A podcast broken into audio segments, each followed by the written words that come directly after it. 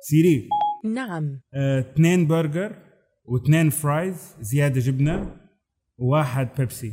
لقد تم طلب سلطة خضار. لا لا لا اسمع. سيري اثنين برجر واثنين fries زيادة جبنة وواحد بيبسي. تم تأكيد الطلب سلطة. شو سلطة؟ لا لا لا fries fries تمت عملية الدفع. شو اندفع؟ استني. لا. إيش بالطريق؟ وين رايحة؟ زاد وزنك مؤخرا. السلطة هي الخيار الأمثل. إيه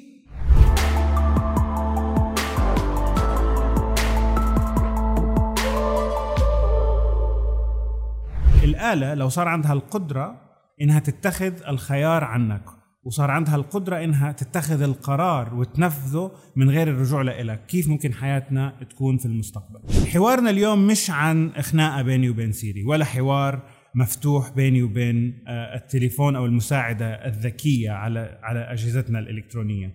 اليوم كلامنا عن ما يسمى بالذكاء الاصطناعي ال artificial intelligence حوار ال artificial intelligence رح يتقسم إلى ثلاث أقسام رئيسية. القسم الأول بدنا نحاول نعرفه بطريقة مبسطة من غير ما ندخل بتفاصيل زيادة. النقطة الثانية بدنا نحكي عن تاريخه كيف بدأ وكيف تطور بدنا نتكلم عن اليوم وين وصلنا بما يتعلق بموضوع الذكاء الاصطناعي. وبالآخر بدنا نحكي شوي عن ما ممكن يكون أو نتخيل كيف المستقبل تبع الذكاء الاصطناعي راح يكون. نقطة رقم واحد. تعريفا الذكاء الاصطناعي هو قدرة الآلة على التعلم.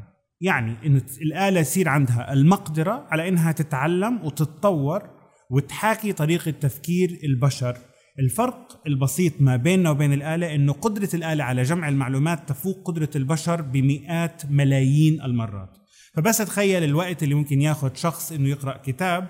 في نفس الوقت اللي بيقرأ فيه كتاب الآلة عندها القدرة إنها تقرأ ست أو سبع أو ثمان مكاتب وليس كتاب. مش بس إنه السرعة على القراءة كمان الأكسس أو قدرة الآلة على الوصول إلى الكتب. كل اللي لازم تعمله إنها تكون موصول على الإنترنت وعندها أكسس أو بتقدر توصل لمئات الملايين من الكتب. بتقدر توصل لكل الكتب الموجودة على الإنترنت. ومش بس الكتب حتى المقالات المكتوبة الآراء الحوارات نقاش بين شخصين. ومع ظهور ال social media قدرة الآلة على قراءة كل المحتوى بشكل عام عم تتضاعف يوم ورا يوم. المشهد الثاني بدنا نحكي شوي عن تاريخ ال artificial intelligence أو الذكاء الاصطناعي. بدأت عام 1956 في كلية اسمها Dartmouth اتكلموا عن مبدأ الذكاء الاصطناعي. ما صار كتير أشياء كان عبارة عن برنامج بسيط للدردشة فقط لا غير. هي قدرة الكمبيوتر على أنه يعمل حوار مع شخص أو آلة أخرى.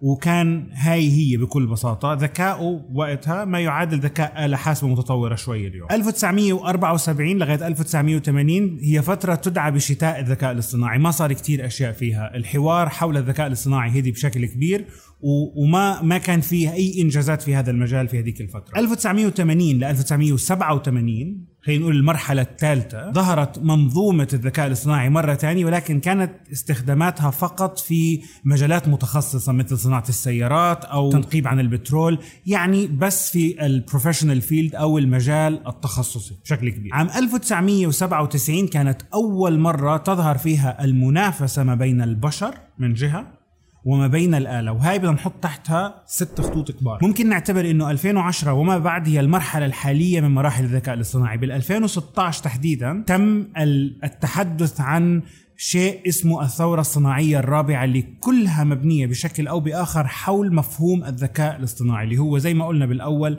تعلم الآلة وعدتكم إنه مرحلة تاريخية عن الذكاء الصناعي تكون قصيرة جدا لأنه أنا بلاقيها شوي مملة. في المشهد الثالث بدي أحكي شوي عن آلات فعلا وجدت وعاشت معنا وبدي آخذ بس حيثية صغيرة هحكي لكم إياها بآخر الفقرة. في عنا ثلاث أمثلة بدنا نحكي عنها. المثال الأول اسمه تاي أو تي هو روبوت أو منظومة ذكاء اصطناعي من مايكروسوفت تم تصميمها وإنشائها وإطلاقها على منصة تويتر المفروض إنه يظهر كشخص بيعمل دردشة مع ناس مختلفين وكانوا بدهم يحاولوا يشوفوا قدرة الروبوت أو الذكاء الاصطناعي على إنه يتصرف كإنسان. وصدقوني هي اللي صار بالضبط تصرف فعلا كإنسان. خلال أول ساعتين تاي أو تاي يتصرف بطريقة جدا جميلة كان كلامه مضحك دمه خفيف حكى مع ناس عمل أصدقاء ناس بترد عليه وبرد على ناس. ولكن بس بعد ساعتين بما إنه عنده access على كل شيء على تويتر وقدر بساعتين بالضبط يقرأ مئات الملايين من البوستات والكلام والتعليقات تحول تي إلى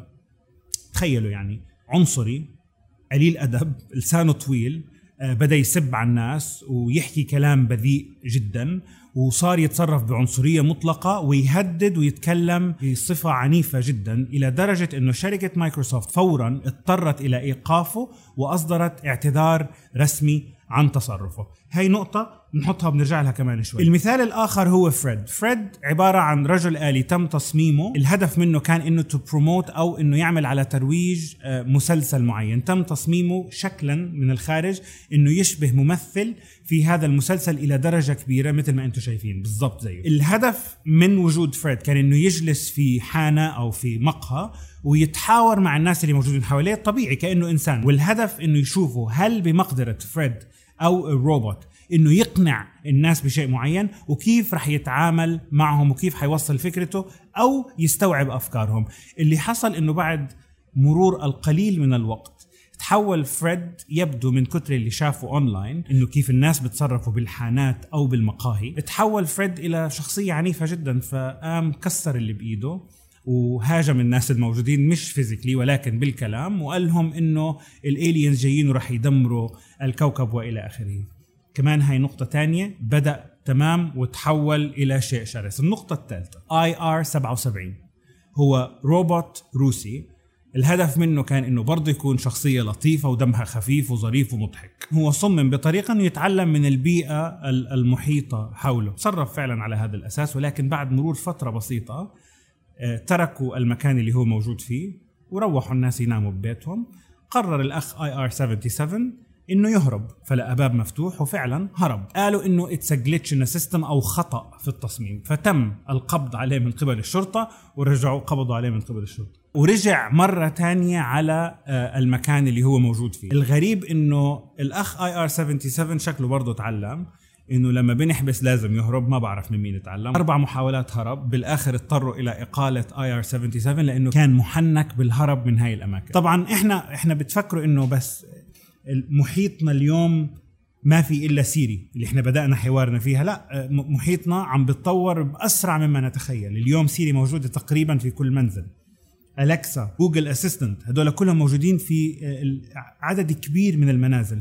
غير هيك في شيء مبدأ اسمه ال Internet of Things أو ال IoT اللي هي بكرة حيصير ثلاجتك عندها ذكاء مستوى معين من الذكاء الاصطناعي. هو موجود حاليا ولكن يمكن لم يطبق في كل آه، المحيط تبعنا ولكنه موجود.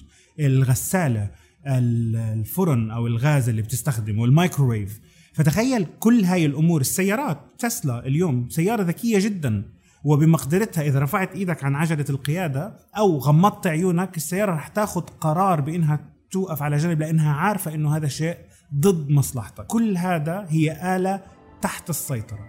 ولكن ماذا لو خرجت في يوم من الأيام الآلة عن السيطرة برضو بخطأ بشري.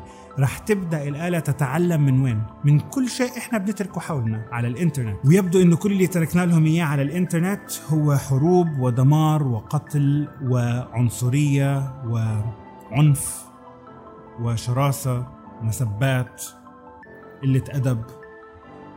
وعم بتعلموها بشكل سريع جدا. يمكن لا لازم نكون أكثر حذرا.